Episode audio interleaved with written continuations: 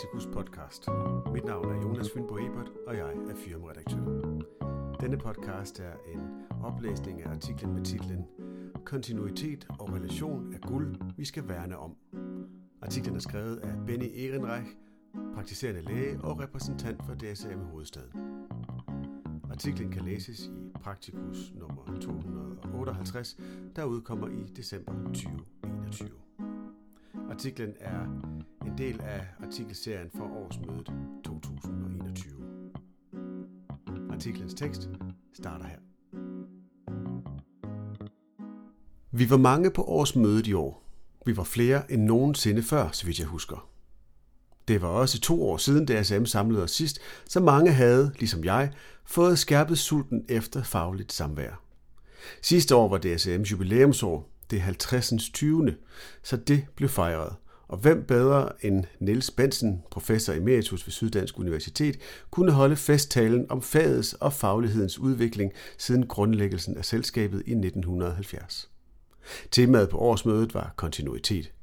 Sybille Bøjlen fra Københavns Universitet var af den mening, at vi som læger og kolleger gennem mange år har sunget en tiltagende ulykkelig kærlighedssang, mens vi har bevæget os længere og længere væk fra kontinuitet i relationen og har fået mere og mere fokus på hurtig adgang og omkostningseffektivitet. Det går ud over relationerne. Kan vi gøre noget ved det? Dyk ned i deres oplæg på andre sider her i bladet. McCartney Virkeligheden er nuanceret.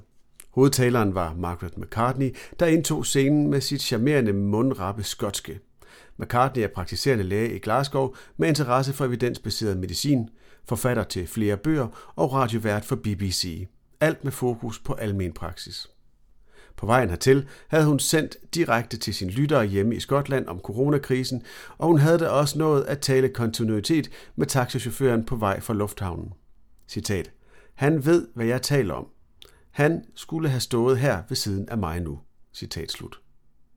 Hun redegjorde for familielægens, The GP's, udfordringer, når det gælder kontinuitet og læge-patient-relation. Vi mødes af krav om quick fix, men i virkeligheden har vores patienter mere brug for vintage medicine.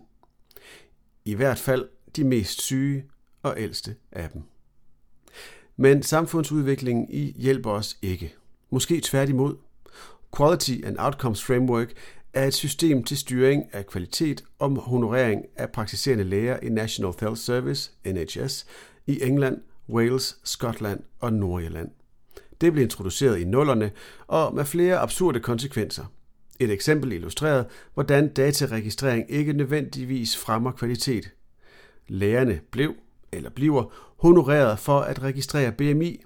Entreprenante GPs ringede derfor til deres patienter for at få oplyst højde og vægt, så de kunne producere de ønskede data. Siden er digitale aktører kommet på banen. Vi er i den industrielle epoke, hvor more is better. Der er mere martini-medicin at konkurrere med, såsom Babylon-appen, der tilbyder all-in-one healthcare 24-7. Put in your symptoms and get a treatment. Appen finansieres og promoveres blandt andet af NHS, altså af offentlige midler. Hun påpegede, at hvis vi skal have politikere og embedsfolk inden for sundhedsområdet i tale og få dem væk fra tiltag som de ovenstående, så skal de bringes til at forstå fast and cheap, not good, fast and good, not cheap, good and cheap, not fast. Procesmarkører og risikoberegninger er lette at producere, men ikke valide til at måle sundhed med. Der skal findes mere meningsfulde markører, hvis de skal gavne patientbehandlingen. Den reelle virkelighed er langt mere nuanceret og fuzzy end det, de binære diagnosesystemer kan rumme. Effektivitet, givende og risikabelt. McCartney mener, at vi må arbejde på at få flere unge medicinere til at søge faget, og at argumenterne herfor er mange og gode. Som praktiserende læger nyder vi godt af at kende vores patienter.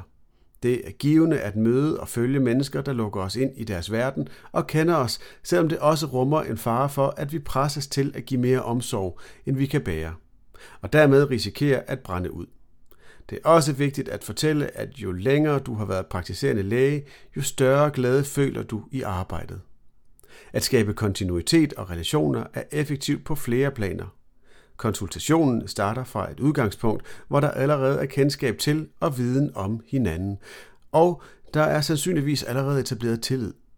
Der sker færre fejl, og når de uundgåeligt sker, er der fra patienten større forståelse og tilgivelse, så konflikter og klager minimeres til det rimelige. Den personcentrerede tilgang er under pres. Margaret McCartney konstaterede, at faget med hovedvægt på kontinuitet og den personcentrerede tilgang er under pres. Det er blandt andet en følge af digitaliseringen, og denne retning er blevet yderligere forstærket under coronapandemien. De unge patientgenerationer har mindre erfaring med den kontinuitet, som de senere i livet vil få gavn af. De forventer den derfor ikke, og de forlanger den heller ikke. Hvad betyder det for udvikling i almen praksis? Beslutningstagerne er unge til midalderne, veluddannede mennesker, der har mindre brug for kontinuitet end ældre, kronisk syge og mennesker med komplekse problemer. De har derfor ikke fokus på kontinuitet og relation som kvalitetsparametre. We should rebel. Hvis udviklingen skal vendes og forståelse hos politikere og embedsværk vendes, kræver det mere end at i tale sætte, at kontinuitet giver bedre overlevelse til nedsat pris. At evidensbaseret medicin er omkostningseffektivt, og at gode og lange relationer sparer ressourcer og indlæggelser. Vores organisationer må også råbe op og gøre opmærksom på fagets vigtige bidrag til samfund og sundhedsvæsen. Med Margaret McCartneys ord, We should rebel. Artiklens tekst slutter her. Artiklen kan som nævnt læses i Praktikus nummer 258, der udkommer i december 2021.